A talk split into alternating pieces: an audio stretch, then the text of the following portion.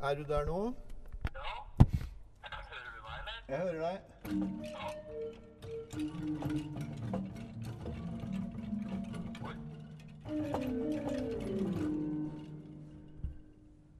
Det er faktisk alt jeg får til av sånn derre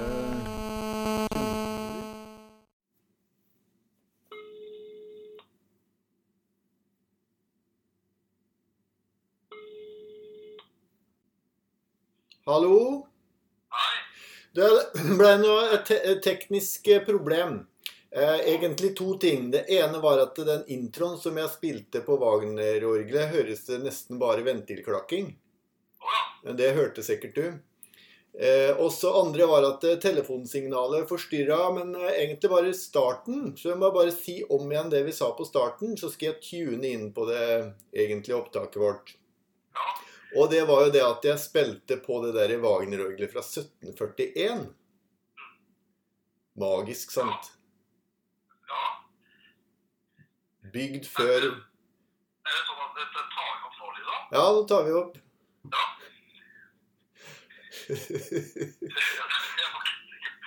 Vi-. Vi får, vi, vi får nok ingen sånn uh, radiopris for denne podkasten. det, eh, det er liksom tekniske forbedringspotensialet. Ja, ja. Ja. Men eh, det de holder på med nå, er altså jeg klipper inn. Men jeg syns det er moro å ha med det bare den der eh, klakkinga fra tangenten og sånt nå, da. Altså Wagner bygde, Joakim Wagner bygde det orgelet i 1741. Ni år før Bach døde. Ja, tenk på det. Man blir fylt med ærefrykt. Ja. Og orgelet har stått der eh, Har det vært mye restaureringer på det? Vet du om det? Ja, det har jo det, vet du. Men jeg kan jo ikke den historien sånn ut og inn, da. Men eh, det var i hvert fall den fasaden ble jo da brukt når orgelet ble lagra. Altså når det store Steinmeier-orgelet kom opp i 1930 til tusenårsjubileet, så putta man bare den eh, Wagner-fasaden foran det orgelet. Så det var sånn det så ut når jeg studerte her på 80-tallet. Akkurat, så det var en sånn stum fasade på en måte, da. Ja, det var det. Og Den sto faktisk langt foran Steinmeier-orgelet også, med fare for å gå ut i nerdeland nå. Så, så Per Fridtjof Bondsaksen, tidligere domkantor her, har fortalt at det, det visstnok var en slags sånn sekundær plan, at man skulle sette opp Wagner-orgelet foran Steinmeier-orgelet, liksom. Det var gjort litt plass der. Ja, helt crazy greier. Men dette dette det er sikkert folk er så interessert i akkurat det, da. Men i hvert fall så spilte jeg litt på det fra symfoniene av Bach, som er vår kjenningsmelodi. Og så gikk jeg inn i Mariakapellet, som ligger liksom oppe i andre etasje, eller hva skal jeg si, i dommen der. Et lite kapell. Og så prata vi videre. Så nå, nå, nå tuner jeg inn eh, videre i podkasten vår.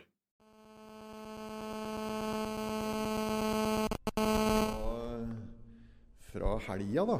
For at eh, weekenden som var. For at da var jeg aleine her, vet du. Oi. Så eh, jeg savna det til dels intenst, må jeg si. For at både Magne og Petra var borte. Så på lørdag så spilte jeg jo da orgelmeditasjon på dette berømte Steinmeier-orgelet. da. Ja. Så det gikk jo i og for seg ganske greit. Men det var en par skjær i sjøen. Ene var det at det pleier å være med prest da, som leser fra Bibelen og ber til Gud og velsigner folk. Han dukka ikke opp. og veit du, når guiden eh, annonserte det, da For det var masse folk, vet du. Ja, ja, helt fullt det skipet. Det skal jeg snakke mer om. Så sa han at dessverre så kommer det ingen prest i dag. Ble det applaus, vet du? Nei da. Nå, nei da, nå tuller jeg. det var, ikke så ille. Beklager til alle våre gode prestevenner. Men uh, hun sa liksom sånn at det er orgelet folk kommer for å høre på, da. Så det Ja. var nå det. Men så var det det at eh, selvfølgelig, da, som Murphys lov da, da spilte jeg et svakt stykke, og så begynte det å hyle da en A. Oi, oi, oi. Hva var det for du spilte da? Eh, andresatsen fra Vidors femte symfoni. Så, så holdt jeg på en stund da, mens den A-en hylte og tenkte nei, dette går ikke, jeg må stoppe. Og så prøvde jeg liksom å finne ut hvilken tone det var, og så ta av alle? Ja, og så kan du tenke deg kjerka var stappfull i folk. Også, Men det som var så rart, var at den jeg liksom drev sånn da, tok av registeret og satte på registeret, og så til slutt så snudde jeg meg da for å si at jeg har tekniske problemer. Da begynte folk å klappe. Jeg lurer, jeg lurer veldig på hva det var som skjedde. Om noen kanskje trodde stykket var ferdig? At det skulle være sånn, liksom? eller, eller om eh, det var sånn sympatiklapping. Nei, jeg vet ikke. Ja, det var kanskje Men i, var det jeg skulle prate om? At når jeg da kommer inn i kjerka der, halv to er den eh, orgelmeditasjonen, da, så er det, det er allerede ganske mye folk. Og med samme jeg liksom åpner orgelpulten og setter på lys og sånt nå, og strømmer folk til. Det var bl.a. En, en ganske rørende en familie. da, Mor og far og barn sto liksom så interessert. og og ja, når du skjønner det jeg som skal spille, liksom lurer veldig på dette med orgel og masse fingre og føtter og register. Og. Så det har en sånn veldig magnetisk eh, tiltrekningskraft på folk. Ja, kanskje. Når orgelet står nede, og de ser hele det der svære instrumentet der, og, og det klart de blir nysgjerrige da. Ja. Men, men eh, det er ikke så lett å få til i Fredrikstad. Jeg vet, vi har jo fabulert litt om det der å sette orgelpulten ned. Ja, Men eh, jeg vet ikke om det egner seg så godt med det der Markussen-orgelet. Altså. Det er jo sånn helstøpt sak der oppe. Men, men jeg, jeg, jeg, jeg fikk litt sånn eh, Det der når vi hadde de der eh, Hva kalte vi dem? eh, De støttekonsertene til orgelet? ja det var støtte til inntekt for restaurering av orgelet. Ja, da inviterte vi jo noen folk opp, gjorde vi ikke det? Jo, og det, jeg tenkte det var litt samme stemningen da som når Jeg lurer på om det var Dagfinn den ene gangen og du andre gangen som spilte noe sånn Kleive 'Store Gud vil over deg'. Og folk flokka seg rundt oppå der. Så jeg, jeg tror det, Dan. Jeg har snakka om det før. Jeg tror vi må få publikum opp på de der orgelkonsertene, altså. Jeg tror det er eh, jeg tror, det er, jeg, tror det er jeg tror folk er veldig interessert i orgelet som instrument når de ser det. For du veit at eh, når du spiller og de sitter nede I Fredrikstad sitter du inne helt for deg sjøl. Det er jo ingen som ser noe som helst. Det er, eh, ja. Det er jo på sett og vis eh, behagelig, da. Vi driver og ordner med sånn eh, som Apropos, vi driver og ordner med sånn ny logo til Domkoret nå, vet du. Og, og den er liksom sånn symbolsk, da. Et kor med en dirigent. Men så står liksom dirigenten bak koret, så de mener du må flytte den der prikken som er dirigenten foran. da. Men så sier jeg det at jeg trives jo Hvis det hadde gått an, ville jeg jo helst stått bak koret. Så det, så det, er jo, det er jo litt samme feelingen. da. Det er deilig å sitte der oppe. Men jeg, men jeg lurer på om du må ofre deg, liksom, for uh, publikums uh, ja. ja, det går jo an det. Da må vi rydde litt opp på galleriet der og ta på oss en skjorte og sånt. Og det er jo ikke noe Ja. Nei, og så tror jeg at man burde shine opp litt der òg. Og ikke minst av akustiske hensyn. Og så tror jeg det der, det er liksom litt sånn fillete tepper og sånt noe som ligger der. Jeg tror Hvis vi hadde liksom fått litt sånn fast tregulv, at det hadde blitt litt mer både innbydende, og kanskje akustikken hadde satt seg litt bedre rundt orgelet der. Ja, kanskje det, gitt. Ja. Ryda snakka om det, altså. Eller om det var en annen en. For det, når du sitter der Du har jo venta til det, og til dels jeg òg, men jeg husker første gangen jeg var og spilte i Fredrikstad domkirke, fikk jeg litt sånn eh, Du sitter liksom inne i en liten boks, da. Du har ikke noen følelse med rommet, liksom. Mm, Du har ikke noen sånn klangfølelse der oppe på orgelet. Det er veldig mye lyd som du får rett i fleisen, og litt sånn spiss klang. Men eh, noe etterklang er det vanskelig å høre når du sitter og spiller der, ja. Men, det. Men det er jo litt etterklang i kjerka. Ja, det er noen sekunder, men det er sånn du hører det når du er ute i rommet. Men det er vanskelig når du sitter og spiller på instrumentet, å få noen føling med det. Ja. ja ja, men eh, det var nå det, da. Jeg vet ikke riktig. Jeg tenkte jeg skulle ta en runde bort på kontoret. Det er jo mandag, så det er mange som ikke er der. Men eh, det var en par folk der. Tenkte jeg kunne intervjue litt folk. Men er det noe mer du lurer på, Dan? Før vi.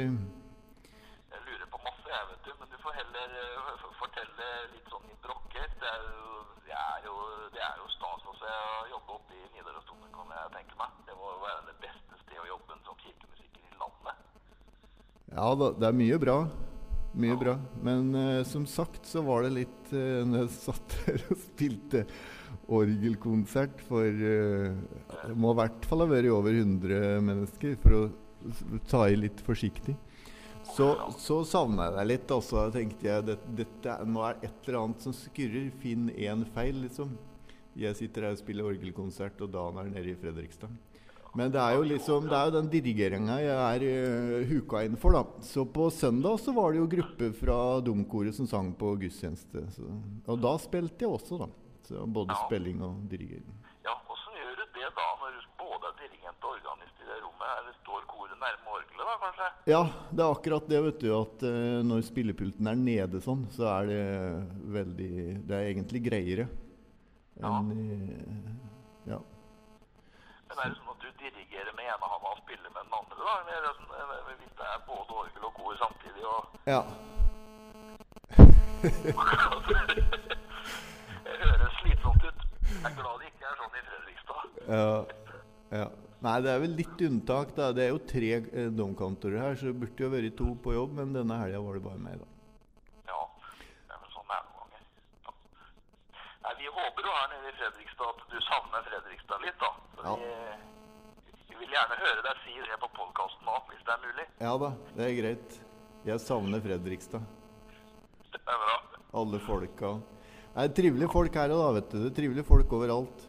Men, ja. men jeg ser frem til å komme tilbake. Selv om det er jo det er en stund til, da. Så. Men jeg, også, også, jeg ser jo hele tiden eh, at det er, er nyttig med et litt sånn eh, Et opphold litt vekk, da. Føler jeg får masse nye impulser og masse nye tanker. Jeg tenker liksom hele tiden når jeg opplever noe. Åssen kan jeg overføre dette til Fredrikstad? Sånn som. Ja, det kan Så- Og så er det jo snart eh, Egil Hovland-festival, vet du da. Så da skal vi jo i ilden med Missa Vigilate og det ene med det andre. Ja, det blir, eh, det blir store saker. Ja, Det er, eh, det er noen som vil ha oss på lufta i NRK Østfold i denne uka her eller neste eller noe sånt nå, så det, jeg, vi håper også å få tatt oss en tur bort der og prata litt om festivalen. Jeg vet ikke, Ja. skal du nedover her eh, nå med det første, eller? ja da. Tar nattoget nå etter korprøven på tirsdag. Så jeg er i området ja, fra onsdag utover. Ja. Nei, men da, da snakkes vi, da. Da legger jeg på her, og så tar jeg en runde og ser om jeg får noen folk i tale. ja. Ha det så lenge. Ha det bra. Ha det. Hei. Der forsvant den da. Da av her i Mariakapellet, og så går jeg bort på kontoret og ser om jeg treffer noen folk. Da ser du jeg har kommet meg inn på kontoret til Anita Brevik, en av korlederne i menigheten. De, de, kollegaene mine de er eh, ikke på jobb i dag. Nei. Petra hun er eh, på turné Ja. med Jon Pål Inneberg og et kor. Mm. Kor korus. Korus. Mm. Med Randi Lundemo Flåen som dirigent. Akkurat. Og Magne han har jo en velfortjent ferieuke. Det er bra. Han står på det. Mm. Ja Han spiller uh, mye. Imponerende kapasitet. Absolutt. Men så du er her, da. Sjøl om det er mandag. Ja Har du fridag på mandag, du? Som oss vanlige Nei, stort sett så har jeg fridag på fredag. jeg. Ah, ja. Snur litt opp ned på det. Akkurat. Fordi at jeg da ikke nødvendigvis har så mye Jeg har ingen spilletjeneste, jeg har jo bare kor. Ja, Kor, eh, gudstjeneste og konserter i helga og sånn, men eh, for det du har, det er at du har Nidarosdomens jentekor. rett og slett. Som jo ganske mange kanskje kjenner til disse dager, for det var dere fikk Grammy? Emmy. Emmy? Emmy. Ja. Som handler om en sånn TV To Emmy-priser. To Emmy-priser, Ja. For en TV-produksjon som ble laga i Nidarosdomen i juni 2013. Sammen med St. Olav Choir fra Minnesota. Det er stas, da. Det er veldig stas. Du er jo veldig oppmerksomhet i pressen og var på forsida på nrk.no i mange dager. Kjempestas. Og det er skikkelig fin produksjon da. Ja, den er veldig, veldig vakker. Ja. Flotte folk som uh, laga altså Det var lyd- og lysfolk som da normalt kjører sånne type sendinger fra Westminster Abbey. Ja. Så det er ikke noe tull. Nei. Nei. Men du, nå sitter jeg jo på kontoret ditt der. eh, masse oppslag Mm. plakater på alle vegger. Og så er det et stort oppslag som står 'Kormor' på. Ja. Er et sånt portrettintervju fra disse. Mhm, stemmer. Så for det, når jeg studerte her på 80-tallet, mm. da var jo Nidarosdomens guttekor var der, men det var ikke noe Nidarosdomens jentekor. Nei. Er det du som har starta det? Eh, Æres den som æres bør. Det var altså tidligere domkantor Svein Rustad som oh. tok initiativet Nei, til dette. hyggelig, Ja, veldig bra. Ja. Så han så at her var det et eh, hull i korlivet. Altså Det fantes guttekor, men hadde domkoret, som hadde et sånt eh, kammerkor mm. som skal gjøre mye godt a cappella-musikk. Og så har man oratoriekoret, som skulle ta seg av de store messer og sånt. Og så mangla det tilbud for jenter. Ja. Og så bestemte han seg for at om ikke han skulle sette noe annet fingerprint etter seg, så skulle det i hvert fall være det. ja. Eh, Så han spurte meg om å starte opp sammen med seg som sangpedagog den gangen, da. Oh, ja. Sånn var det. Du, ganske interessant, for at jeg vet du har akkurat vært i England og Mm. på de berømte guttekorene der. Men der er det jo også en slags jentekorvekkelse, eller hva man skal Ja da, si. absolutt. For det er han- han David Hill, vet du, Ja. som jeg samarbeider en del med, Mm. kommer til Oslo nå igjen i november Ja, og skal holde et foredrag på Musikkhøgskolen. Og da vil han snakke om akkurat det. Jentekorenes fremvekst i For det har jo vært litt rart at det bare er guttekor. Ja, ja, ja. Og de jentekorene i England som har kommet, har gjerne hatt mannfolk eh, Altså det har vært sopraner, og så har det vært mannfolkene som har tatt seg av Ja. alt tenor og bass, eller i hvert fall. ja. hmm. Men det- nå kommer jeg på en, det blir litt sånn eh, innfallsmetoden, da. For Mm. dere har gjort en kjempefin innspilling av Vivaldis Gloria. Mhm. Og det er arrangert for jentestemmer. Det er skrevet om for like stammer, og man mener jo historisk at Vivaldi skrev dette for sitt jentekor og sitt jenteorkester i Ospedale della Pietà i Venezia, da Ja. han jobba som Så prest og tradisjonen er kanskje ikke så liksom ensidig guttekor som vi tror. Kanskje ikke. Men det, klart, det var jo også spesielt fordi han, var, han jobba på dette barnehjemmet der jentene ble, kom, og han lærte dem opp til sang og musikk. Mm. Mm. Men, men hvis du forteller litt det er jo, Dere er jo utrolig gode, rett og slett. Det er jo et kjempebra jentekor. Mm. Hemmeligheten, sånn, hvis du skal sånn, komme med en sånn programerklæring? Hvordan får man et jentekorarbeid til å blomstre sånn som du har fått det til? Det er nok et langt og tålmodig lerret å bleike, tenker jeg. Ja, du har uh, to minutter, da. Ja, nei, det er vanskelig å si. Eh, Nå har nå jeg holdt på med det her siden vi starta i 92, så Svein var med sammen med meg i 98. Da for han til Sandefjord og har vært der siden. Uh, men eh, Nei, altså, jeg er jo sjøl sangpedagog, sanger og sangpedagog. Jeg tror jo kanskje at det kan være ganske vesentlig at man kan instrumentet. Det er jo aldri noe drawback når man skal jobbe med et instrument. Så det tror jeg kanskje har vært min eh, nøkkel. Og, og ja det er vanskelig å si ellers. Liksom, hva, hva nøkkelen inn i det? Men, men eh, rekrutteringa? Dere har venteliste sånn? dere.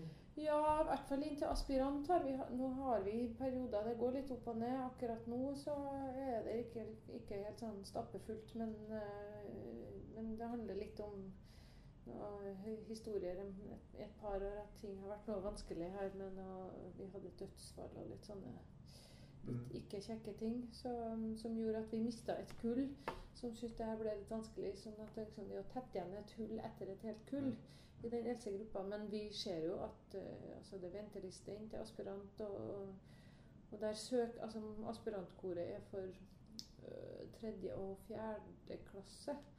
Og de søker gjerne inn fra jentene sånn seks-sju år for, for å være sikker på å komme inn når de er gamle nok. Ja. Ta, ta det der. Åssen er det organisert? Det er organisert. og som sagt at man har, Det er åpent inntak inn til aspirantkor. Oi, Helt åpent. Ingen prøvesang. Fritt inn. Dvs. Si man søker da på vanlig måte, og, vi kjøper Eller kjøper Vi får den tjenesten gjennom kulturskolen. Så det er Trondheim kommunale kulturskole som organiserer og administrerer vår aspirantopplæring. Vi har sjøl fått valgt lærere, så det er jo fantastisk. Og der er det igjen den tidligere omtalte Randi Flåen Lundemo, som har vært aspirantkorlærer for oss i mange, mange år.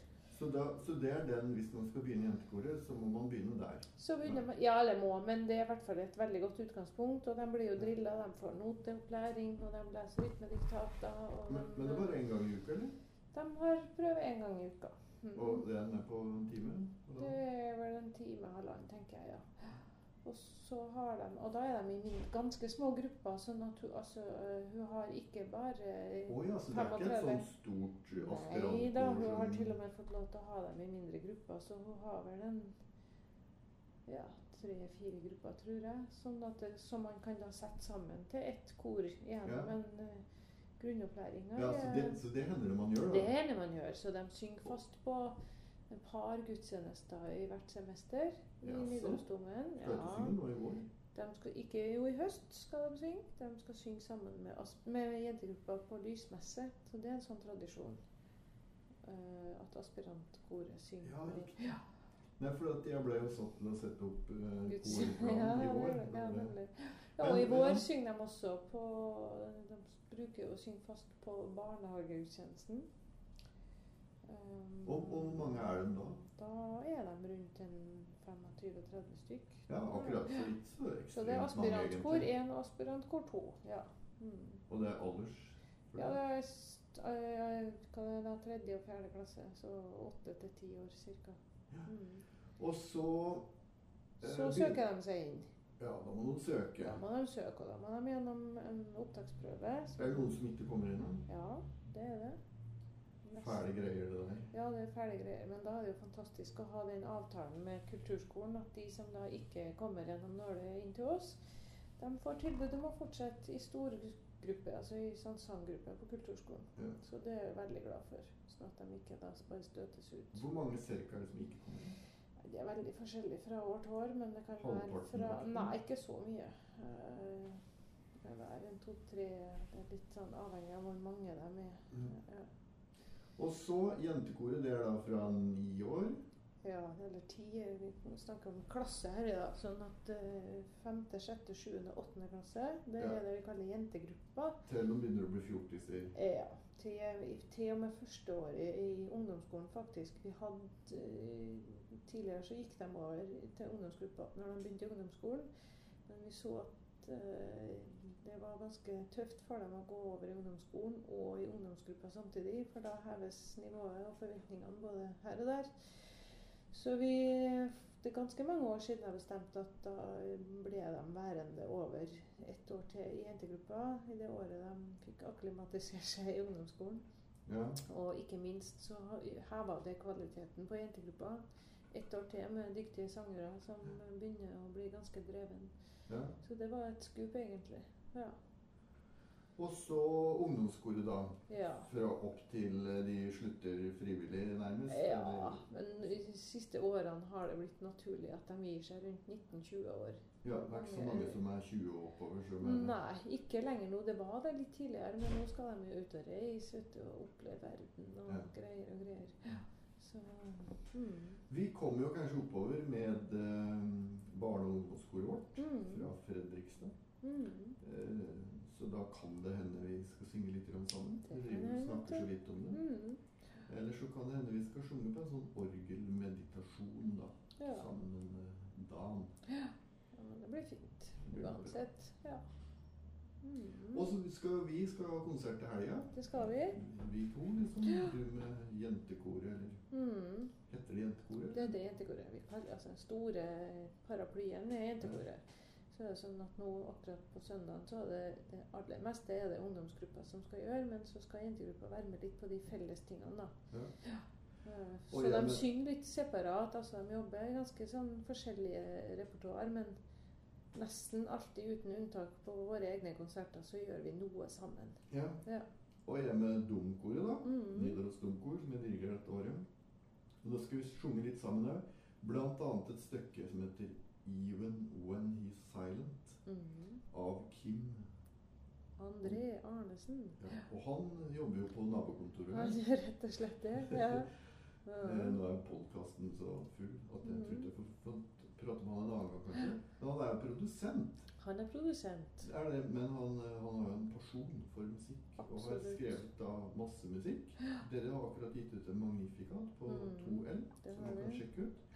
Og så er det jo da fantastisk versjon av den stykket 'Even When He's Silent' på den samme Blu-rayen eller DVD-en som dere fikk Emmy for, eller? Det stemmer. Mm. Men der er det bare St. Olav. Der er det bare St. Olav. Ja.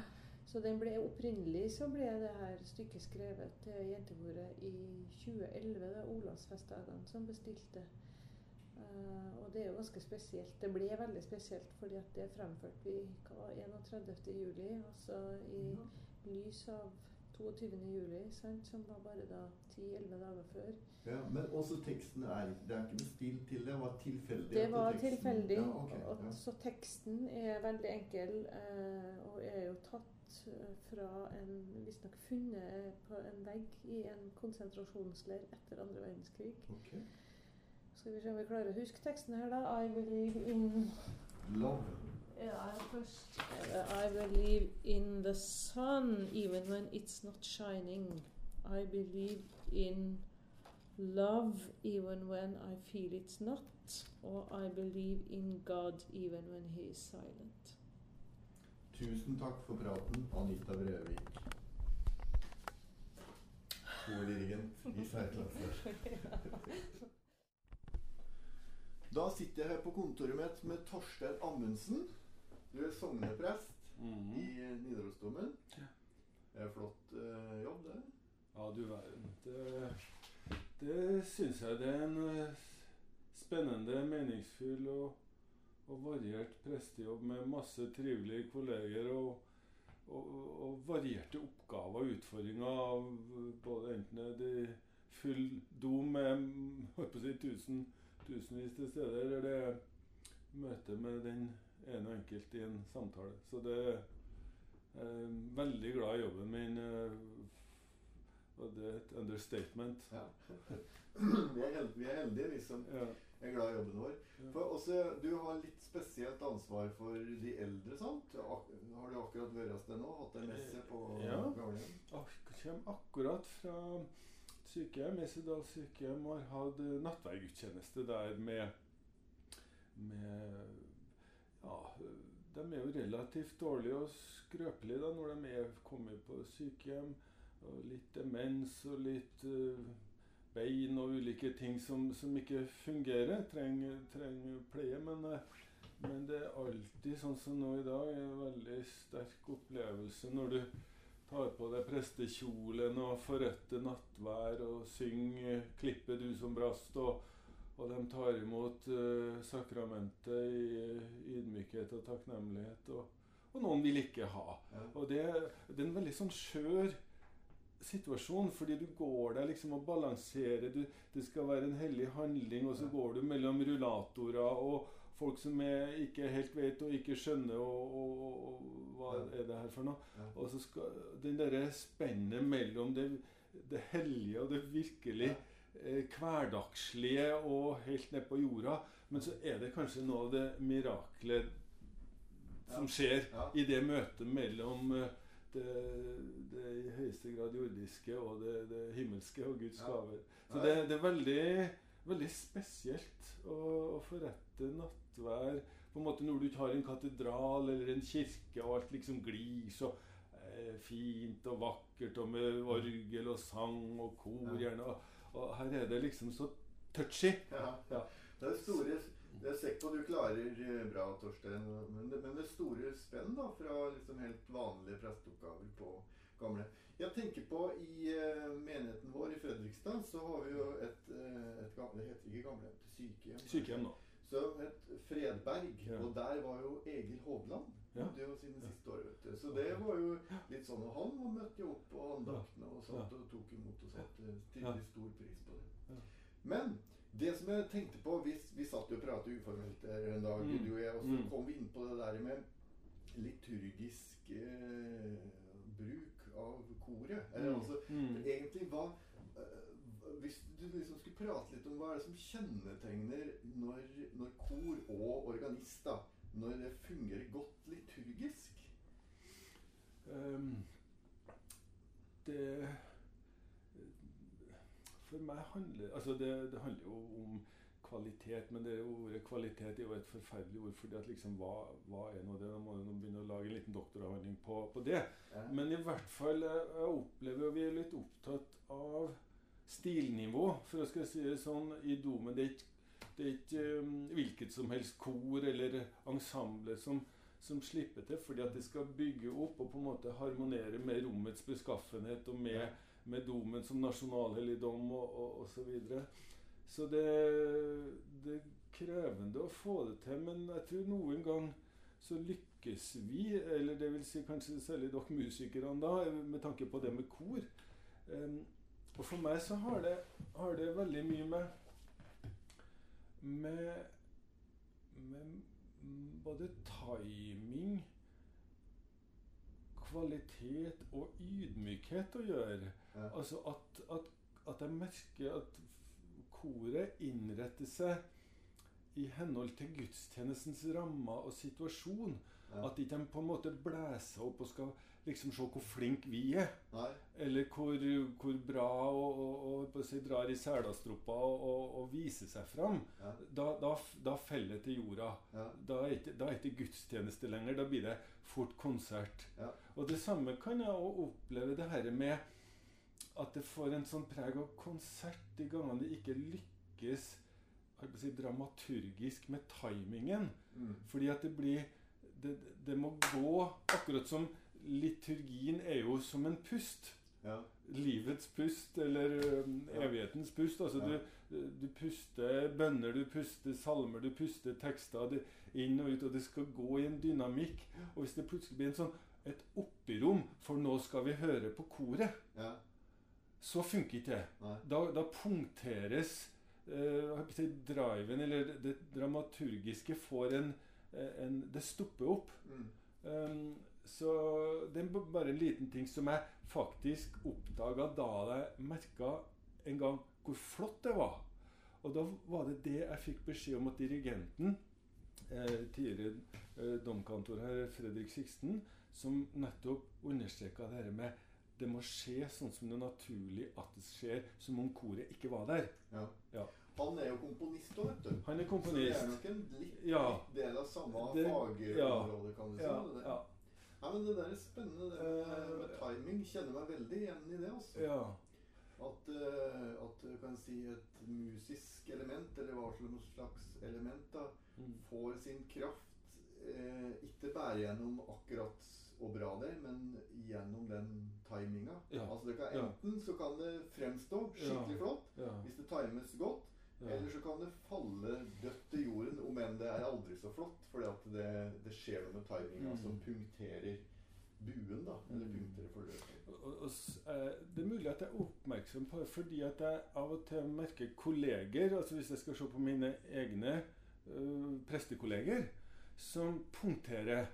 Eh, det kan gå 'Herren være med dere, og med deg være Herren'. Løft deres hjerter. Ja. Og menigheten er helt mista Ja. uh, retning og mål og vei og alt. Ja. Og jeg bare sitter i et vakuum. Hva skjer? Du blir forlegen. Er, er vi på trygg grunn? Er vi Og så videre.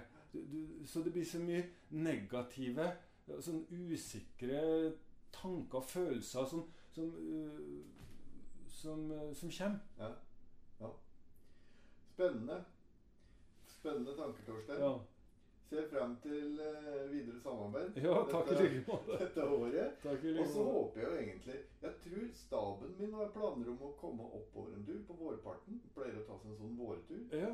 At vi da kunne ha litt samarbeid og drøfte sånne tanker Ja. videre. Mai, eller? Ja, kanskje det. En eller annen gang. Og så Jeg har jo en slags sånn plan B at vi kunne et slags utvekslingssamarbeid. Jeg er Mm. veldig begeistra for kollegaene mine her. vet du, Han Magne og Petra. Ja. Så det hadde jo vært veldig hyggelig å kunne fortsatt samarbeide med både de og med koret. Mm. Nei da, det, det må vi være um, samarbeide med mer eller mindre med andre domkirker både i, i Norge og, og litt i Sverige.